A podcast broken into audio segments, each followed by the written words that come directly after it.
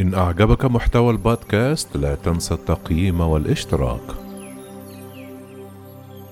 كيف فشلت الحكومة البريطانية في فرض نظام حجر صحي فعال؟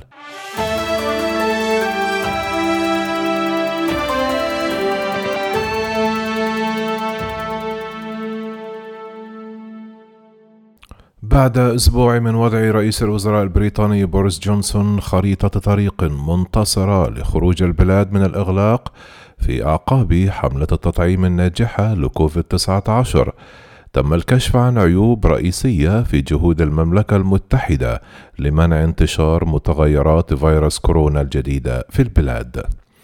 أصدرت الحكومة نداء عاما يوم الأحد لتتبع شخص مصاب بفيروس كورونا تم التعرف عليه لأول مرة في مدينة ماناواس البرازيلية. فشل الشخص المجهول الهوية في ملء بطاقة تسجيل الاختبار بشكل صحيح مما يعني أن السلطات البريطانية ليس لديها أي فكرة عن هويته أو مكان وجوده.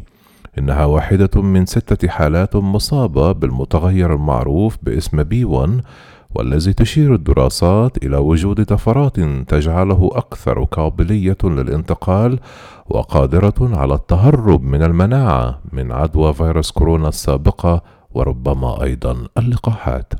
تم حظر الرحلات الجوية المباشرة من البرازيل إلى المملكة المتحدة في يناير منصرم، ولكن تم تتبع حالتين من المتغير لعائلة عادت من البرازيل في العاشر من فبراير المنصرم ويعتقد أنهم سافروا على متن رحلة طيران سويسرية من سان باولو عبر زيورخ إلى لندن هيثرو. عادت الحالات الثلاثة الأخرى من النوع بي 1 إلى اسكتلندا من البرازيل عبر باريس ولندن. ولم تقدم الحكومة الإسكتلندية أي تفاصيل عن موعد وصول رحلتهم. تم إثبات صحة النقاد الذين حذروا من أن فشل الحكومة في تضييق الخناق على الرحلات الجوية غير المباشرة من البلدان عالية الخطورة مثل البرازيل سيسهل على المتغيرات الانتشار في المملكة المتحدة.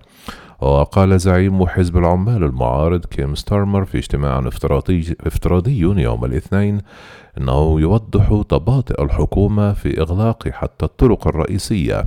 لكنه يظهر أيضا عدم استعدادها لمواجهة حقيقة أن الفيروس لا ينتقل عن طريق الرحلات الجوية المباشرة.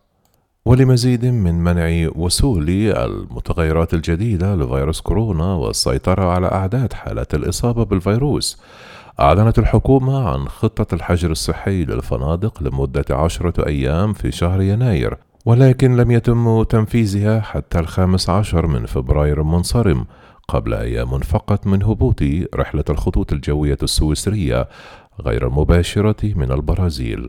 وبعد أشهر من دعوة خبراء الصحة إلى تقديم مثل هذه البرامج دافع بوريس جونسون رئيس الوزراء عن سياسة حكومته يوم الاثنين قائلا إن المملكة المتحدة لديها أحد أقوى الأنظمة الحدودية في أي مكان في العالم لمنع الناس من القدوم إلى هذا البلد الذين قد يكون لديهم متحورات كورونا المثيرة للقلق. في مؤتمر صحفي في وقت لاحق من ذلك اليوم قال وزير الصحة مات هانكوك أن جميع الأدلة تظهر أن خمسة من الحالات المعروفة قد اتبعت قواعد الحجر الصحي السابقة التي تطلبت عزلهم في المنزل وأنه لم يكن هناك حالات انتقال غير مباشرة بسبب الحالة المفقودة وقال الدكتور جابرييل سكالي رئيس علم الأوبئة والصحة العامة في الجمعية الملكية للطب لشبكة سي إن إن إن إجراءات الحجر الصحي في الفنادق التي طال انتظارها لم يتم الاتخاذ القرار بها بعد. تنطبق قواعد الحجر الصحي للفنادق في المملكة المتحدة على الأشخاص العائدين من 33 دولة من دول القائمة الحمراء لحظر السفر، حيث يعتقد أن متغيرات مثيرة للقلق تم تحديدها في البرازيل وجنوب إفريقيا. ويشمل الحظر أيضا الدول التي لها روابط سفر قوية بهذه البلدان لكن سكالي يقول أن هذا غير كاف ينبغي أن تكون جميع البلدان حتى الآن نحن نصف ما نفعله.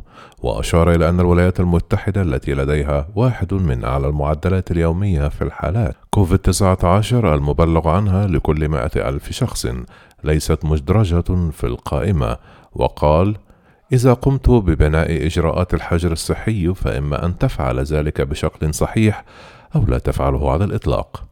وقد أشارت إلى ذلك أيضا الدكتورة كاثرين بينيت رئيسة علم الأوبئة في جامعة ديكين الأسترالية عندما تحدثت إلى مجموعة برلمانية متعددة الأحزاب حول كوفيد 19 في الأسبوع المنصرم قالت بنيت أن الإجراءات المتعلقة بفنادق الحجر الصحي في المملكة المتحدة غير مكتملة، مشيرا إلى أن قواعد المملكة المتحدة تسمح للأشخاص بمغادرة غرفهم لممارسة الرياضة أو زيارة أحد أفراد الأسرة المحتضرين أو أيضا حضور جنازة.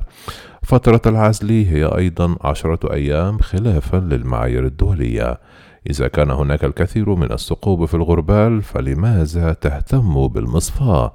فقد سألت بينات موضحة أن المملكة المتحدة تحتاج إما أن يكون لديها التزام صارم في شيء ما لإنجاحه أو التراجع عنه والاعتماد فقط على أنظمة المراقبة الصحية الخاصة بكوفيد 19